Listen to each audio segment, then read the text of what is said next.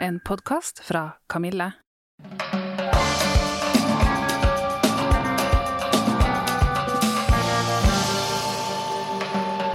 Hei, jeg heter Dora Thoralsdottir. Jeg er 48 år, og det er like før overgangsalderen starter for fullt. Sammen med Kamille har vi laget denne podkastserien fordi vi vet så lite om denne perioden av livet. Vi snakker med kvinner som er midt i overgangsalderen, og ikke minst eksperter på området. Fordi vi trenger å snakke om overgangsalderen, og nå begynner vi. Ja, da sitter jeg her i studio med selveste Bianca. Og før vi begynner, så har jeg bare lyst til at du kanskje selv, for det er så mange ting jeg kan si om deg, hvem du er. Kan du bare kort forklare din sånn faglige bakgrunn, eller liksom hva du jobber med, hvem du er? Mm. Jeg har vært terapeut i over 25 år med flere forskjellige terapeutiske retninger som jeg da har studert. Jeg er en evig søken etter nye måter å søke vekst. Jeg er også sexolog, eh, og da har jeg skrevet om sexologi og samliv og singelliv i VG i mange, mange år. Mm. Um, og hvorfor jeg er nå, siden vi skal snakke om overgangsalder, eh, er jo nødvendigvis jeg har gått gjennom den selv. Men jeg har også de siste åtte årene studert en mer, litt mer alternativ retning, en vibrasjonell medisinsk retning, hvor jeg følte meg så uendelig privilegert, for jeg fikk lov til å bruke overgangsalder som basis for den diplomoppgaven jeg skulle skrive. Så jeg har møtt på en hel bråte med damer med ymse varianter av hetetokter og andre utfordringer. Kort oppsummert, tusen takk, for da er det rett og slett din bakgrunn til at vi skal nå snakke om overgangsalder, for jeg tenker at du kommer jo da med et perspektiv som ikke alle andre har. Mm. Og det jeg har lyst til å begynne med, er rett og slett å spørre om du kan si med dine ord hva er overgangsalderen? Jeg liker det ordet veldig godt. Mm. Jeg syns det er bedre enn menopause, som høres ut som en pause. Det sier overgang. Og for meg er overgangsalder nettopp en overgang fra én fase i livet til neste. Og vi har flere sånne overganger. Um, tenårene er en sånn selvfølgelig overgang vi ser på, og den er også hormon Altså det er hormoner og endringer i hormonnivåene som gjør veldig mye av den enorme endringen tenningen går på. Og hvis du ser på en tenåringsjente eller tenåringsgutt rett før de kommer i pubertal alder, så er det ikke noe vanskelig å se at både kroppen deres, utseendet, psyken deres, interessene, måten å reagere på, agere på, tenke på, alt går gjennom en kvern og en endring i løpet av veldig, veldig få ord. Eller få mm. år, mener jeg. Mm. Altså det er liksom velkjent for oss. Og derfor kan vi også dele det. Å herregud, nå slamrer ungen hjemme hos meg om dagen. Mm. Altså vet aha, ja, mm, tenåringsfasen. Ikke sant. Vi vet det, det er snakket om. Og til og med preteens vet vi at å ja, det er jo før. Ikke sant. Så til og med der vet vi. Ja, det har begynt litt allerede. Ja, ja ikke sant. Ja. ja. Og dette vet alle, og det snakker vi om. Det er ikke noe skam rundt det. Nei. Det er helt naturlig. Helt naturlig. Uh, og vi vet at det er en viktig fase. Mm. Uh, men sånne faser begynner med Jeg bare skal putte det med overgangsalder i et enda litt sånn større livsperspektiv, så skal jeg komme til det òg. Første gang vi Altså kroppene våre går gjennom en hormonbasert sånn endring, det er når vi er ni uker ish i fosterstadiet. Da marineres, som jeg litt sånn lettvint kaller det, eh, guttefostre eh, i testosteron. Og det som skal bli jenter, det marineres i østrogen og progesteron. Og det er da dannelsen av kjønnsorganene eh, altså starter, sånn at det blir eh, mannlige kjønnsorgan på menn og kvinnelige kjønnshormon på kvinner. Men det er ikke bare det. Det blir også endringer i, i hva som skjer av utviklingen av hjernen. Sånn at enkelte ting settes på stopp i denne guttefosterhjernen og aktiveres i kvinnefosterhjernen og motsatt. Det er rett og slett en del av den spesialiseringen til når vi levde i flokk, altså for mange, mange, mange, mange år siden, når vi levde i natur. Da måtte kvinnen spesialiseres, og hennes del av hjernen ble stimulert av disse hormonene til å virkelig lære seg kommunikasjon, relasjon, emosjon. Mens denne guttefosterhjernen ble veldig aktivert i action og seksualitet. Mm. Så forskning viser jo at uh, jentefostre har en større tilbøy... Ikke fostre, unnskyld, jentebabyer, nyfødte babyer, har en større tilbøyelighet til å søke blikkontakt og etterape ansiktsuttrykk enn hva guttebabyer har. Det er kjempeviktig å si at hjernen er nevroplastisk, altså, så, en, så en jente kan bli vel så eh, altså kan utvikle alle kvalitetene og egenskapene til en mann, og vice versa, for det, dette kan trenes opp, men det er liksom tilbøyeligheten og talentene. Neste gang vi marineres er i småaldersalder, veldig ofte sammenfallende med trassalder. Igjen en veldig velkjent fase hvor nettopp det 'her er jeg og der er du' og sette grenser og få på en måte en idé om hvem man er, det er veldig viktig. Og det skrives opp og ned om i psykologien om denne utviklingsstadiet etc., etc. Fra det øyeblikket vi kvinner er fruktbare, så dras vi gjennom en hormonell syklus hver eneste måned. Og den er da nødvendigvis østrogen- og progesteronmotivert, sånn at det støtter frem disse delene av oss som gjør oss til omsorgspersoner, som gjør at vi ofte tar en for laget. Altså rett og slett, de er med å hjelpe oss til å være de mammaene og oppdra de barna vi skal gjøre så godt som mulig.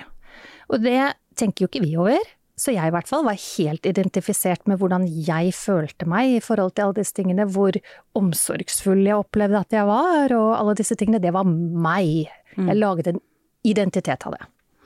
Men så begynner overgangsalderen å banke på, og disse hormonene begynner å drisle bort.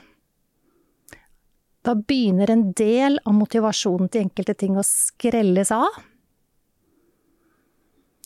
Og du kjenner ikke deg selv igjen.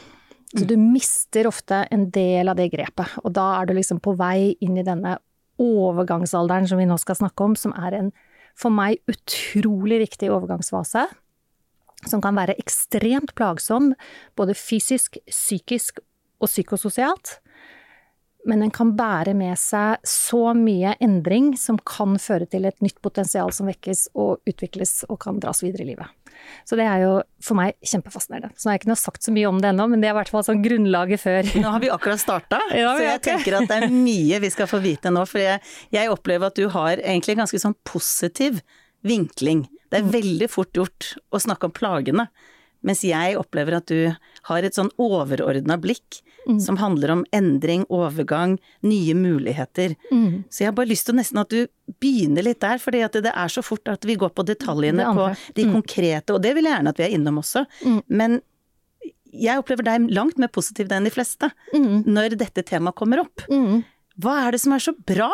Hva er dette her supre endringen som kan, kan være, ligge rett foran de som hører på dette her og kanskje ikke har begynt? Og det har jeg så lyst til å snakke om, og samtidig så er det helt umulig for meg å fortelle om det uten at jeg samtidig virkelig anerkjenner at dette er en veldig tøff reise for noen. For jeg vet så, at du selv også har vært gjennom det. Jeg, jeg hadde, ikke sant, man pleier Så jeg skal starte litt i det andre, bare for å liksom mm. dra med meg dra med de det. som sitter og hører på som har sterke plager. Vi pleier ofte å skille de som går gjennom overgangsalder i tre hovedkategorier, eller sånn grovstile dem i tre hovedkategorier. Det er en tredjedel som ja, en hetetokt eller to, og vips, der forsvant mensen, gitt. Og, altså, de har ikke merket noe spesielt til det. Det har vært noe knyst, men ikke noe særlig.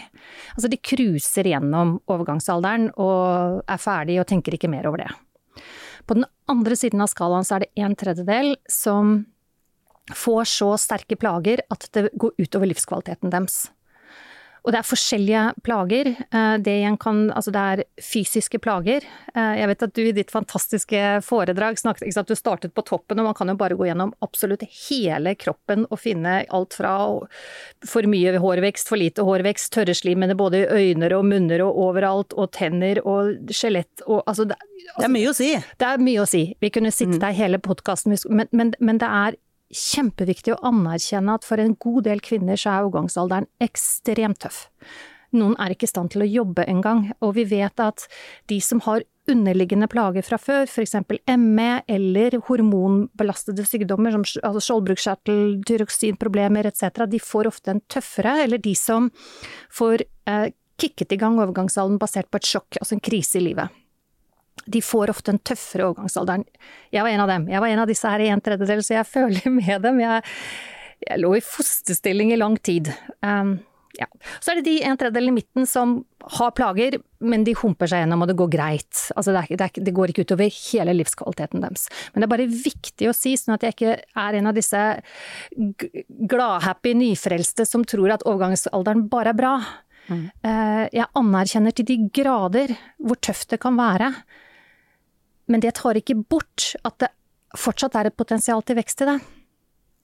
For det med dette frafallet av hormoner som i mange, mange, mange år har løftet kvinner frem til å være omsorgspersoner, ta en for laget, stille opp. Eh, holde husholdet gående. Altså, det er jo absolutt ikke alle som gjør det, men det er noe med den. Eh, kanskje ikke be om høyest lønn. Altså rett og slett holde noe av den derre litt forsiktige eh, eh, rollen på plass hvor man ivaretar mange. Det er absolutt ikke alle kvinner som er sånn, men det er en tilbøyelighet vi kan få med de hormonene vi stimuleres av hele tiden. Når det fraller fra, så pleier jeg å oppleve det Det som skjer med kvinner, er en sånn trefaset ting først.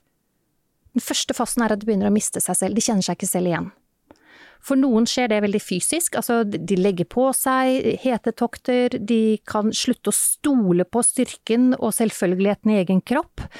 Eh, de slanker seg sånn som de gjorde før når de slanket seg, men kroppen eh, reagerer ikke sånn som den pleide, osv., osv. Eh, det kan være tørre slimhinner, vi skal snakke om seksualitet senere, sexlysten kan endres. Og det kan også være eh, at du plutselig begynner å være emosjonell, og du skjønner ikke hvorfor, det har ikke skjedd noe spesifikt. Og den kjære partneren du har, er jo blitt absolutt Norges teiteste. Eller er det i hvert fall i svingende former eh, i ulike dager. Og det er dette altså, psykososiale hvor du rett og slett bare Altså, du tåler ikke hva du tålte før. Mm. I dette tap av seg selv, så plutselig aktiveres veldig mange triggerpunkter i oss. Eh, for noen så blir det så smertefullt at vi går rett i sånn stakkars meg. Men i, i det feltet hvor alt dette problematiske er trigget, fordi det gjør så vondt og fordi det er så behagelig, så tvinges vi til å samhandle med det.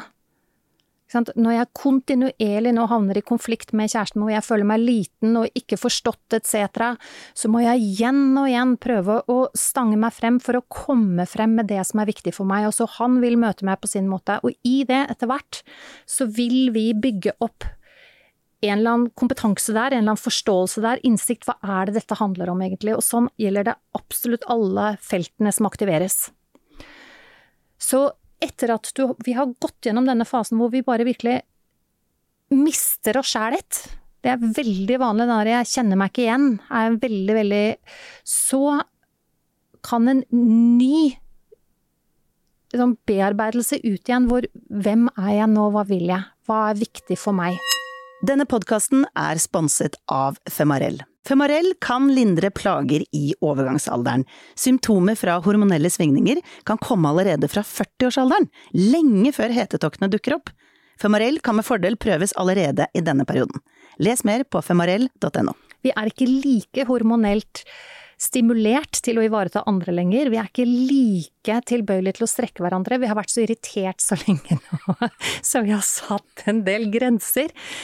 Så en god del kvinner som kommer ut av overgangsalder, altså de er bare helt fantastiske. Altså du kan se damer som bare har reist seg. Gir ofte litt mer ja, Nå skal jeg bruke ja, Det er lov, er lov, å si, det er lov å si faen, er det ikke det? De gir litt mer faen! Rett og slett. Det ligger en kraft i det... å bruke det uttrykket, fremfor å gi litt mer blaffen. Det blir ikke det helt til samme effekten. Nei. Og står opp for seg selv. Altså, eh, vi kvinner har jo så tendens til å være selvkritiske. Og når vi gir den litt mer blaffen, mm. på beste mulig måte, så er en opplevelse av frihet og evnen til å velge selv det som veldig ofte blomstrer frem. Og det er, eh, det er helt nydelig å se. Mm. Og jeg tror faktisk unga har litt godt av det òg, at vi ikke sier så masse pute lenger. ja, det også. For det jeg opplever at du sier, er at eh, når du kommer ut på den andre enden, det er potensielt veldig mye plager, eller moderate, eller kanskje nesten ingenting. Men det å komme ut på den andre siden, der ligger det enormt muligheter for å mer ta, ta, hele deg i bruk, og det er din tid, og nå kan du gjøre mer det du vil, fordi østrogennivået Du bruker også progesteron, mm -hmm. og det har vi snakket veldig lite om. Eh, hva gjør progesteron, hvilket hormon er det? Eh, progesteron og testos, nei, østrogen det jobber sammen. I den første fasen av overgangsalderen så er det ofte progesteron som dropper. Og da får man ofte et østrogendominans, ikke fordi det er noe mer østrogen, men fordi progesteronet har droppet, sånn at det blir en ubalanse. Og så begynner østrogenet å droppe, og det blir en balanse. Men istedenfor å gå inn i den spesifikke dansen mellom dem, så er jeg, sånn som det jeg i hvert fall har tenkt å snakke om i dag, er mer de større, større linjene av hva mm. dette samlet gjør. Og i dette tapet, altså, det er rett og slett altså sånn egentlig uansett hva slags totalendring av disse kjemiske eh, eh, reaksjonære hormonene, som, som, disse kjønnshormonene er. Altså det, det, stimulerer oss til å føle forskjellige ting, og aktivere oss, handle. Eh, når det faller fra, nesten uansett hva slags hormoner som ville falt fra altså Mannen har jo ikke samme overgangsalder som oss, den, den er mye mer gradvis. Og det vil jeg gjerne snakke med deg om også etterpå. Mm. Ok, skal vi ta den etterpå? Ja. Så, men det, altså det endrer oss, og i dette tapet så er det jo nettopp hvem Altså når, vi, når en del av hvem jeg alltid har trodd jeg har vært, faller bort så står jeg plutselig i et tomt rom og må prøve å finne ut av ting litt på nytt. Og i det å finne ut av ting på nytt, det er nettopp da jeg er litt fristilt til faktisk også da begynne, istedenfor å bare se på alle plagene som er, men begynne å lure på men hvordan vil jeg at ting skal være? Og så begynne å bygge livet helt innifra, basert på mine ønsker, hva jeg vil, hva som er viktig for meg. Og det som er fantastisk, er jo at da har kvinner vært i hele sin fruktbare alder, så har de da vært stimulert til, via disse hormonene, til å være omsorgspersoner ta en for laget, altså stille opp, få med seg større linjer, altså hele det. Det er de drilla i, det er de trent i. De mister ikke den kompetansen. Sånn at du ser en del mammaer som har vært litt sånn curlingmammaer og overivaretatt barna sine, plutselig begynner å slutte å sy puter under armene på bena og si nei, men nå får du klare deg selv. Ofte så er jo det veldig sunt egentlig for barna, og de, de lærer seg å bli mer selvstendige. Altså, eh, så kvinnen kan omsorgen, de kan empatien, alt det de er drilla på, men nå kan de også skjære igjennom og se når noe er nødvendig og ikke. De overstrekker seg ikke lenger. Ja, for jeg har hørt at du har sagt at egentlig burde alle ledere være kvinner som er ferdig med overgangsalderen, eller som er en, i den prosessen. I hvert fall en god porsjon. Ja. Der har du damer som gir litt mer Vi får bruke blaffen, da, siden ja, ja. det er det peneste her. Du skjønner hva du mener? Ja, har, ja, dere skjønner hva jeg mener når jeg nå sier blaffen. Da har du disse kvinnene som gir litt mer blaffen. De er ikke opptatt av seg selv og sine egne usikkerheter lenger. Altså, de gjør litt mer som de vil. De vet hva som er riktig, våger å stå for det. Og så har de denne empatiske kompetansen, sånn at de kan også regulere seg og velge å tenke mellommenneskelig og se på det større bildet av hva bedriften trenger når det trengs. Mm. Og den evnen til å balansere mellom de to, som etter hvert blir en kompetanse en overgangskvinne eller en kvinne på den andre siden av overgangsalderen kan, det er noe man sjelden finner i en leder. De er ofte enten-eller. Så ja. det her er eh, helt fantastisk en av de jeg synes, syns våger dette her, eh, gi blaffen og stå sterk og være seg sjæl, som jeg syns er viser det til alle som alle kjenner. Mel Stripp er en av dem. Ja, ja, ja, ja absolutt. Det, hun er blitt en helt annen dame når hun ble voksen enn hva hun var før. Jeg tror det gjelder mange, hvis vi hvis begynner, å gå igjennom at sånn, det er en kraft. Ja. Jeg følger deg veldig på det. Og så vet jeg også at en annen ting du også har sagt, er at eh, de kvinner som kommer inn i overgangsalderen og har eh, mye bagasje, hvis jeg kan bruke det, eller har det vanskelig i livet fra før, eller har egentlig aldri tatt tak i de mønstrene som kanskje ikke er så veldig nyttige å ha, eh, de kan ofte få det litt tøffere. Eller få en vanskeligere overgangsalder. Mm. Fordi nå skriver du en oppgave om dette her, og er midt i dette og snakker med mange. Kan du utdype det litt mer? Ja, jeg tror jeg kan si det på en annen måte. Eh, hvis vi tenker på at når vi er i balanse, så er alt i fri gjennomstrømning i oss. Altså det er ingenting som setter seg fast noe sted. Det er ikke noen blokkeringer, og det er stort sett alltid vi selv som blokkerer oss. Og hvis jeg allerede har en god del ubalanser i kroppen, kanskje fysisk i kroppen min via noen sykdom eller uh, andre ting, eller kanskje jeg har levd i et forknytt uh, kjærlighetsforhold i mange år hvor ingen av oss egentlig sier hva som ligger bak av følelser, vi liksom bare lever på en litt sånn stiv fasade eller eh, kanskje jeg alltid har eh, hatt en ekstrem indre kritiker som aldri har gitt meg fred. Altså, da møter jeg plutselig en overgang med allerede et veldig belastet system. Mm. Og når da denne overgangen, altså når plutselig alt da i tillegg skal endres, så kan det bli veldig overveldende, og da kan vi også bli ekstra redde. Altså, vi, altså det blir så overveldende at vi har ikke verktøyene til å håndtere, til å navigere gjennom. Så da kommer det ofte noen motreaksjoner som gjør at også da eh, opplevelsen av å miste seg selv Altså alt blir mer dramatisk. Alt blir sterkere, alt blir forsterket. Mm. Igjen, det er forskjellige. Altså noen klarer det veldig godt. Eh, tar raskt tak i de endringene som kommer og ser mulighetene i dem. Mens noen må ned i kjelleren først. Eh, og det er ikke Det er ikke noe gøy når vi er der. Men noen ganger er det også en veldig fin ting for virkelig å få gitt slipp. Så vi virkelig kan ta en reorientering. Mm. Og noen blir dessverre sittende fast uhensiktsmessig lenge. Ja. Og noen tar heller aldri og navigerer ut. Altså de sitter så fast i sin opplevelse å være forpliktet til å ivareta etc. Kanskje de har blitt bestemødre, føler de må stille opp for datteren med å være barnevakt langt mer enn hva de vil, osv. Og, så og finner til slutt sin rolle med å fortsette litt som omsorgspersonen i familien. Men kanskje, noen av, eh, noen av dem i hvert fall, lever med en sånn indre lengt etter noe mer. Andre finner seg på plass i det. Altså vi skal ikke alle brase gjennom og bli store og selvrealiseres. Altså vi skal ha unike veier. Mm. Alle har hver sin vei. Og så har du hatt din vei. Kan du fortelle litt, for jeg er litt nysgjerrig på Da du kom i overgangsalderen, så har jeg skjønt at det har vært en skikkelig hard reis. Du fikk, du fikk tredje, en, tredjedel som virkelig har det tøft. Eh, hvor tidlig skjønte du selv at dette var overgangsalderen, og hvordan var hele den prosessen for deg? Hvor lenge varte den?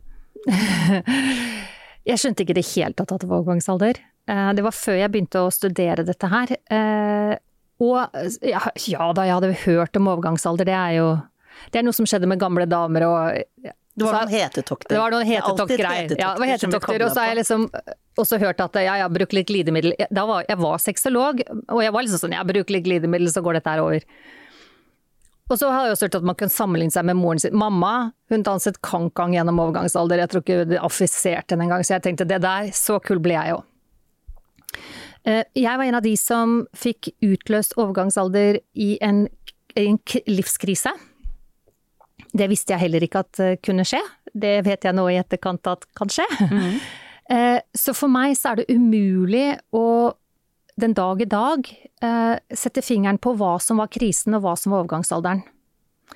Og det er ofte sånn det er litt med hormoner. Jeg husker når jeg var gravid, så var jeg rasende på pappaen til barna mine en gang og kjeftet han huden full, og så sa han ja men Bianca, nå har du bare hormoner.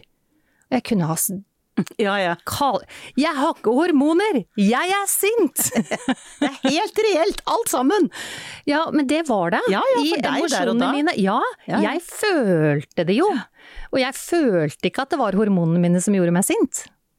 Så det er helt umulig for meg å si hva som var hva av disse overgangsgreiene, og jeg trodde rett og slett krisen også dro meg gjennom mye annet, at jeg ble dårlig osv. Jeg hadde litt sluggis sånn skjoldbruskkjertel fra før av, altså jeg trodde det var noen sånne greier, jeg sov ikke, jeg badet i svette. På et eller annet tidspunkt så begynte det å demre for den litt sakte innsikten hos meg òg. Kan jeg spørre hvor gammel du var da? Jeg hadde passert 50, jeg var helt ja. i begynnelsen av 50-årene. Okay. Ja. Så jeg var vel 1 eller to, en og 2,50. Ja. Jeg, husker, jeg, er ikke noe god på å huske sånn eksakt. Eh, men det begynte å demre for meg at dette kan nok være overgangsalder. Eh, og for meg, altså jeg Det var både masse fysiske ting, men jeg var helt i ulage psykisk. Og for meg så gikk det også hardt utover slimhinnene. Så jeg kom dypt nedi i vaginal atrofi, som det heter. Som ikke nødvendigvis Er det tørrhet? Atrofi er jo at noe Uh, evaporate, hva heter det når det noe smuldrer opp? Så, jeg, jeg, klarer ikke å finne det riktige ordet, men altså, det forsvinner. Så uh, vaginal atrofi er, kan være absolutt hele underlivet. Det er da både de ytre kjønnsleppene som blir mer slunkne, de indre kjønnsleppene, det kan være rundt urinrøret, så man kan få ofte uh, problem med vannlatning, urinveisinfeksjoner, den type ting, men også da generelt slimhinner som blir veldig mye tynnere. Eh, det er altså, ikke da du har lyst på sex? Eh, for meg så var det så vondt at jeg klarte nesten ikke å tørke meg når jeg hadde vært på Oss, toalettet. Det var helt rødt. Eh, og nei, sex var uaktuelt. Eh, det var så smertefullt at det var absolutt ikke mulig.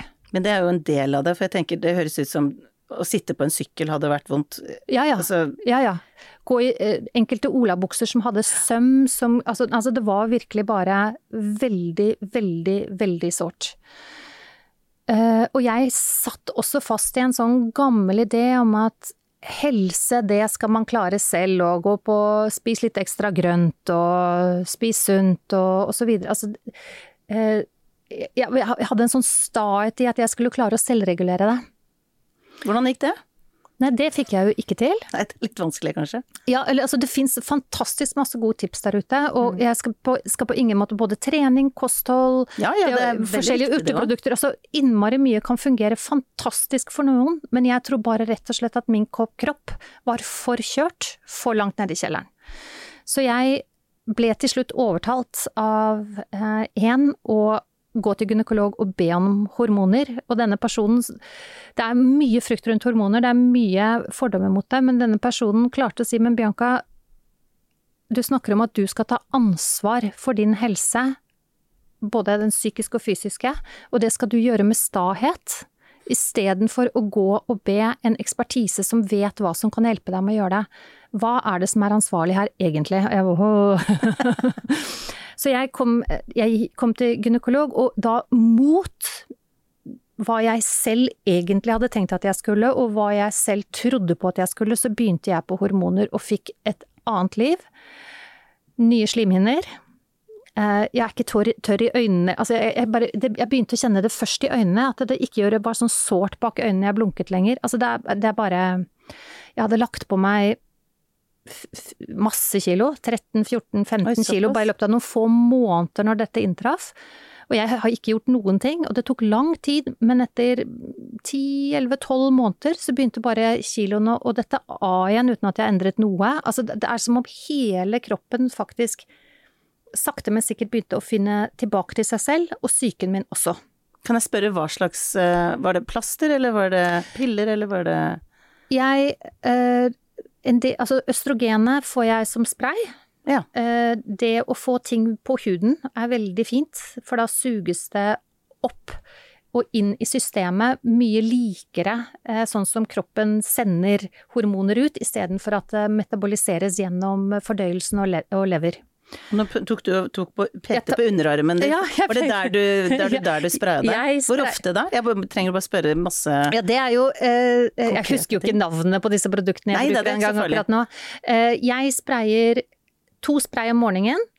Nå- Du gjør det fremdeles? Jeg gjør det fremdeles. Mm. Jeg kommer nok til å gå på det ganske mange år, tror jeg. Og én spray om kvelden med østrogen. Og på kvelden tar jeg også én pille, det er en pille med progesteron. Og så tar jeg en knert med testosteron.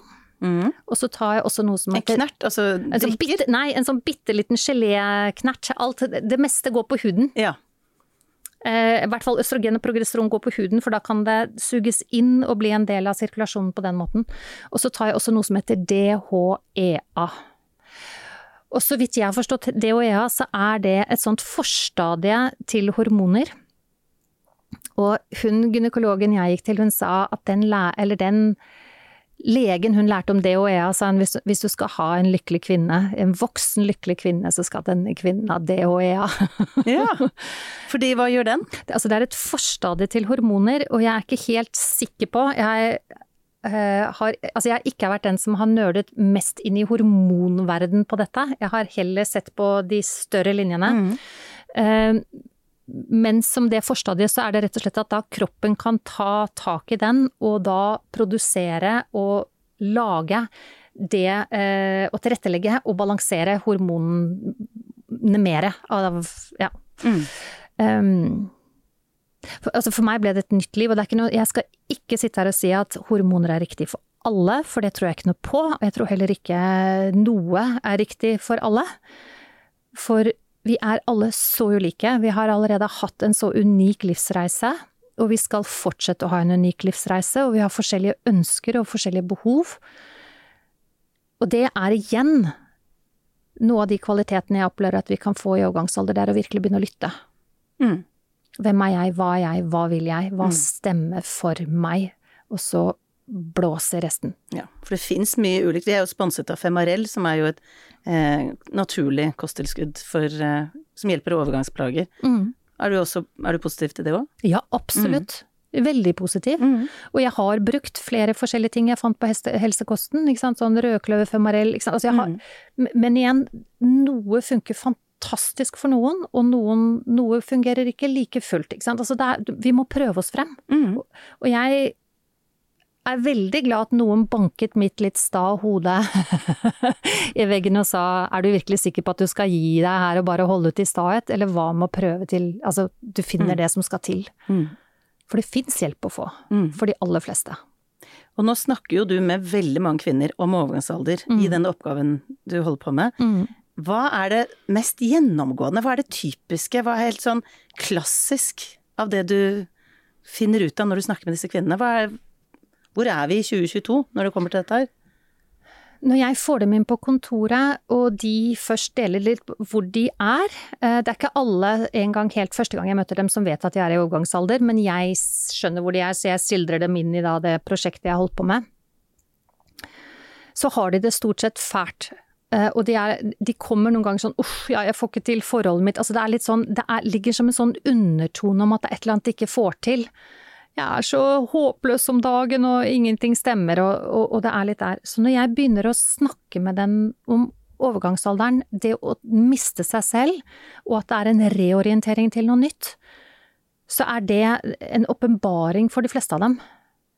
Eh, de har ikke engang tenkt tanken, de har bare opplevd at det er noe de ikke får til. Altså, de har ikke, de har ikke klart å løfte blikket til en større sammenheng av en overgangsfase.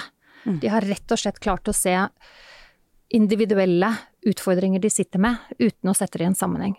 Jeg syns det er helt grusomt, og det er fordi vi ikke snakker om overgangsalder. Hva er grunnen til det? Hva tror du selv er grunnen?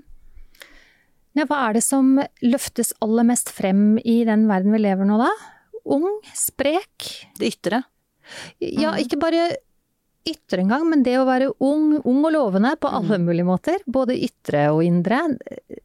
Det å bli godt voksen er ikke anerkjent som en egen kvalitet. I hvert fall ikke blant kvinner. Da har vi utgått på dato. Så ingen av oss har lyst til å identifisere oss med en eh, gammel dame. Ja, det er det veldig mange forbinder overgangsalder med. Det markerer jo at vi skal bli gamle damer. Og- Er det det vi Er det det du mener? Jeg vet at du ikke mener det, men eh, Nei, nå mener jeg jo ikke det. Ja, ikke sant? For jeg. tenker at den reisen du har da tatt fra selv, opplevd alt det du har opplevd, og så snakket med disse kvinnene her. Eh, hva tenker du liksom når du, når du har liksom disse damene under ett, eh, er det noe som har overraska deg som ikke du visste om, eller noe En liksom plutselig snudde ting at eh, jøss, det har jeg Jeg bare lurer på de aha-opplevelsene du har hatt underveis. Mm. Kan du fortelle litt om det? Jeg tror at det som ble noe av den største aha-opplevelsen for meg, var når jeg så Altså når jeg virkelig begynte å se det i et sånn større fugleperspektiv, var hvor sammenfallende reisene var. For i, for i begynnelsen så jeg også unike reiser. I begynnelsen så jeg også at oi, hun ble plaget med det, oi, og da virket denne overgangshandelen litt stor og skummel. Den kommer og tar deg, vi vet bare ikke hvor den skal ta deg. Men den tar deg. Det Men den tar deg! Ja, eller det var jo De som kom til meg hadde jo stort sett plager, da. Mm. Uh, uh, men etter hvert så ble det mer en sånn sammenhengende reise jeg så. Hvor ja, det kan slå ut litt her, eller det kan slå ut litt der. Men det var allikevel som om jeg så at de beveget seg fra ett et sted av hvordan de har levd, og etter hvert for de som var med hele veien gjennom, virkelig wow! Jeg skal ta fatt på en ny fase. Så helt uavhengig av hverandre, så var det som om alle enten var i et jobbskift, skulle flytte, eller eh, eh, Altså, barna flytter, det er jo veldig naturlig i den klassiske alderen, men at noen av dem opplevde et stort tap av det først, ikke sant. Ofte når vi ikke forstår hva som skjer. Er så kjempedeprimert om dagen, barna har flyttet. Når de sorterte litt i det, så var det jo ikke egentlig at barna flyttet, men det var dette tapet av seg selv som de ikke klarte å finne noen bedre forståelse for. Men igjen, da, hver eneste en hadde sin reise fra ett ståsted til et annet. Uh, ja, og, det, og det å se sammenfallene av det, er vel noe av det uh, som ble det nydelige, da.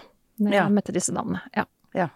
Og så den kraften da som kan, kan komme på den andre siden, eller opplever du at det er ganske sånn Gjelder veldig, veldig mange? At de finner litt seg selv igjen? Jeg opplever at igjen, de som da har vært hos meg, har jo kommet inn i en forståelsesramme hvor det er en reise. Så de har jeg definitivt opplevd at har gjort det.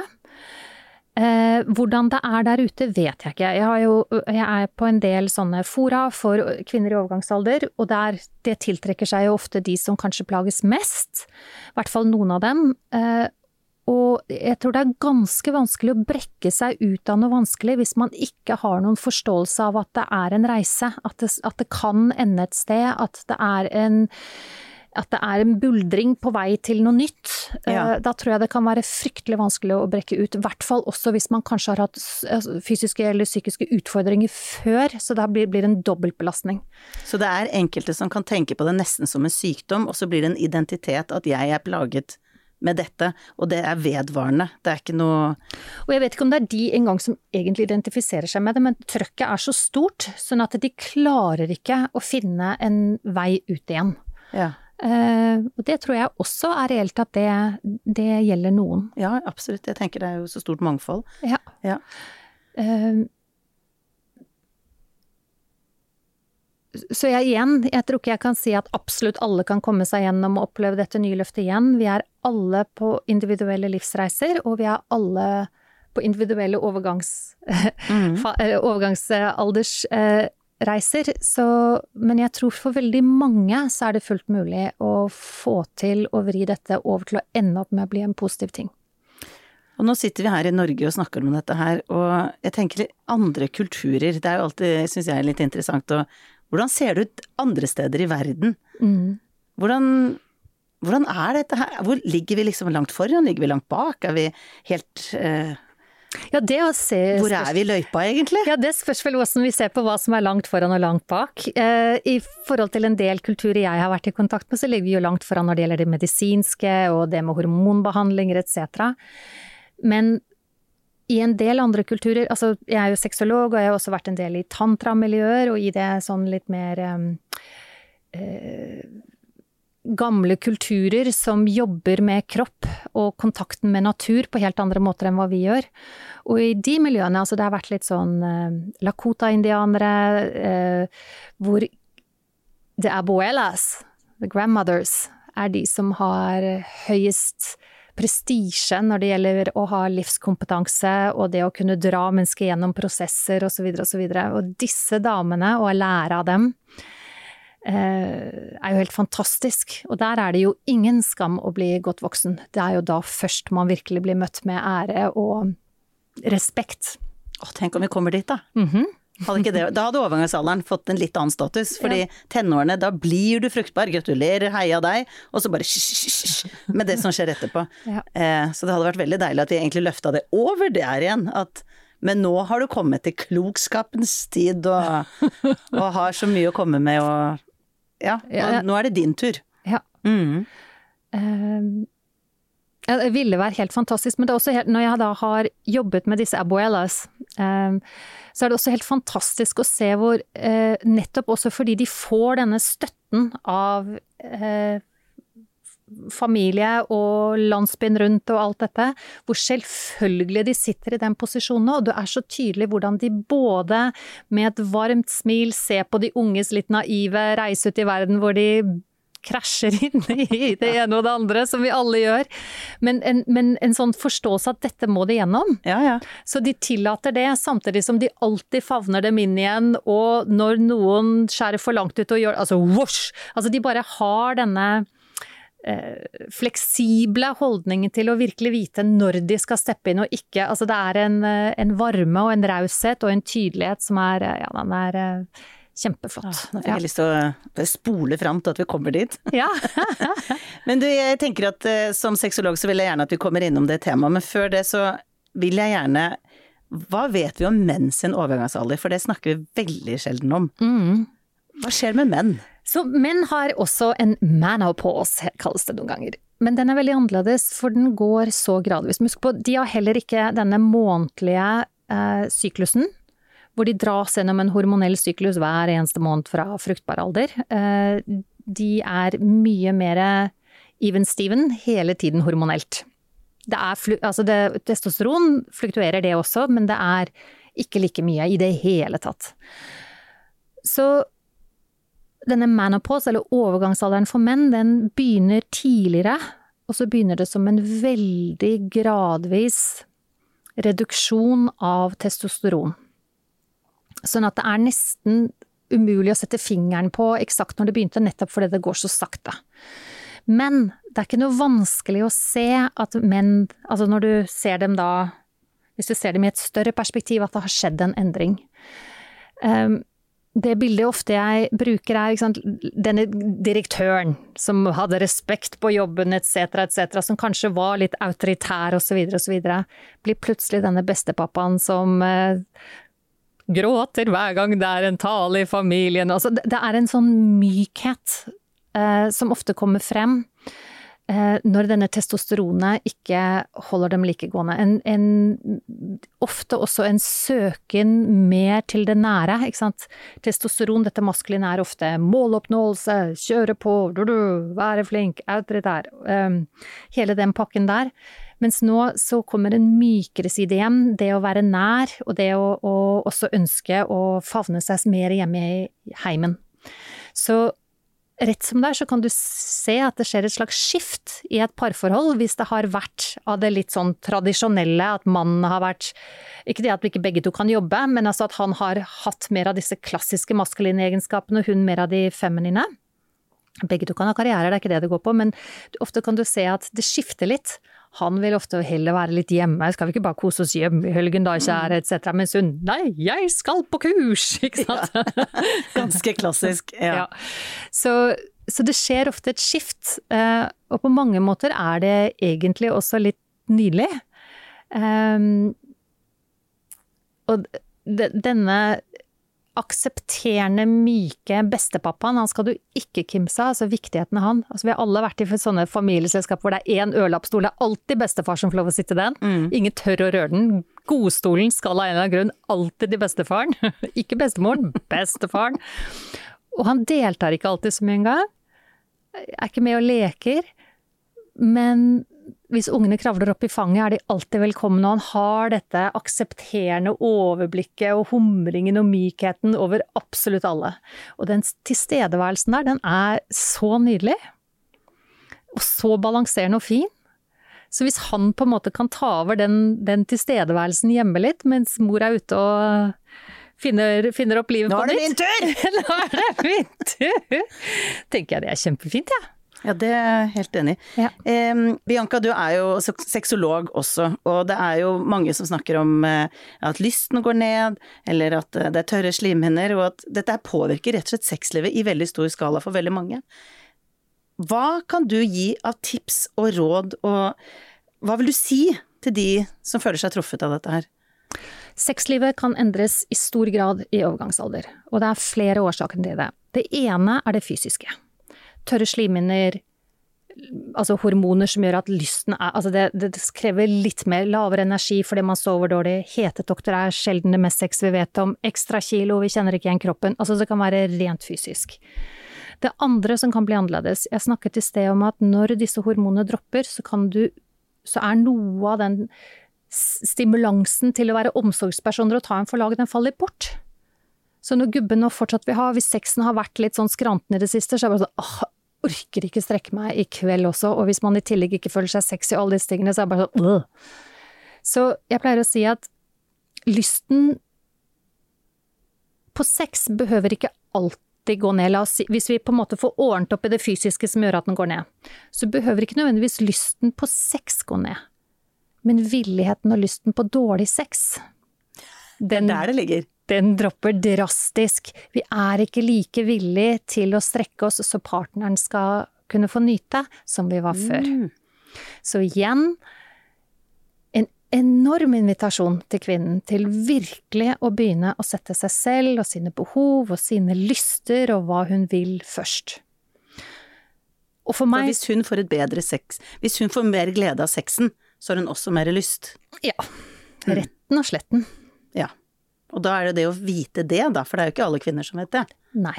Så igjen, da er jo spørsmålet i hvor stor grad tar kvinnen det å finne ut av egen seksualitet. Men igjen, det er en god del kvinner som begynner å re, eh, realisere seg selv på forskjellige måter i overgangsalder. Begynner på yoga, får en helt annen opplevelse av kontakt med kroppen, yoni-kurs Altså det, det fins mange, mange måter kvinner liksom kan finne tilbake til sin egen kropp og sin egen kroppsnytelse igjen.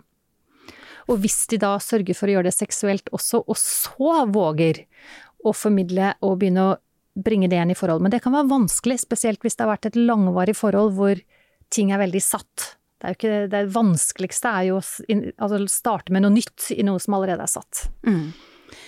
Det er jo veldig mange som tror, unge kanskje mer, eh, at når du er i overgangsalderen og etterpå, da Det var det sexlivet. At det, det hva er sannheten? Hvordan står det til med sexlivet til folk når de kanskje er litt ferdig med den perioden, eller at de har fått hjelp eventuelt? Hvordan står det til med sexlivet til kvinner og altså, menn, for så vidt? Hvis man har sørget for å ivareta det fysiske, sånn at ikke slimhinnene er såre etc., etc., så kan sexlivet leve veldig fint resten av livet. Igjen, hvis det har blitt eh, Min erfaring som sexolog er ofte at det er ikke sexen i seg selv som er hovedproblemet, men det er veien inn til sex. Så hvis det har låst seg veldig i forholdet med at i årevis er det en som har tatt initiativ, en har følt seg avvist, og så øh, sexen gjøres på en måte som ikke tenner, og så videre, og de ikke klarer å løse de flokene, så kan det fortsette å være en floke fremover. Men det behøver ikke være det sexlivet, som jeg sier, det kan blomstre etter overgangsalder, og for mange gjør det det. Ja. Har du noen konkret tips for de som sitter litt fast? Som syns at eh, Ja, jeg hører hva du sier, men eh, jeg skjønner jo at det er veldig mye å si sikkert om det, mm. men uh... jeg, jeg, jeg, tenker, altså, sånn, Hvis du er, har vært i et langvarig forhold, og der har du blitt kjørt litt på skakke, det er kjempekomplisert å jobbe med sex. Jeg tenker at igjen, noe er egentlig det samme som vi sier til tenåringsjenter, finn ut av din egen seksualitet eh, først. Og det er ikke så enkelt som at du bare skal liksom sånn, ja, du skal gjøre teknisk sånn og sånn, det er altfor overfladisk. Det å finne tilbake til sin egen seksualitet og sin egen glede handler egentlig om å finne tilbake til hvordan til å kunne nyte innifra din egen kropp. Og når det er på plass, og du vet at du kan nyte inni din kropp, og nyte din seksualitet inni din kropp, så kommer du ikke med en underskuddsenergi når du skal begynne å utforske det sammen med partneren din, for da vet du at det er på plass allerede. Mm. Det er bare at i møtet mellom oss, så blir det kinkig. Eh, så ikke vent på ridderen på den hvite hesten? Nei. Her må du ta tilbake din kropp og din nytelse først. Det er din jobb og ditt ansvar. Rett og slett. Og da kommer du med et overskudd når dere da skal begynne å jobbe ut det som har blitt vanskelig mellom dere, som forhindrer inngangen til å kunne ha det nære fellesskapet sammen. Så det jeg hører deg si, det er at med overgangsalderen så er det enorme muligheter til vekst og finne din vei, gi litt mer faen, oppleve livet litt på nytt, mm. på en god måte. Mm. I tillegg, hvis sexlivet har vært litt på halv tolv, så ta ansvar selv for hva skal til for at du har det bra, og gå inn med overskudd mm. i det temaet der. Og i pluss, og iver og lyst. Og så går det deg vel. Og så går det deg vel. Og for noen så er ikke heller sexlivet det viktigste lenger, men de har lyst til å være superkreative og ute i verden. Det er viktigere. Og det er også ok. Vi, ikke sant, igjen, behøver det, ikke, det er ikke det som er løsningen på alt. Nei. Nei. Det er din reise. Finn ut av det. Finn ut av det. På din måte. det har vært en glede å snakke med deg, Bianca. Tusen hjertelig takk for at du kom. Takk, Dora.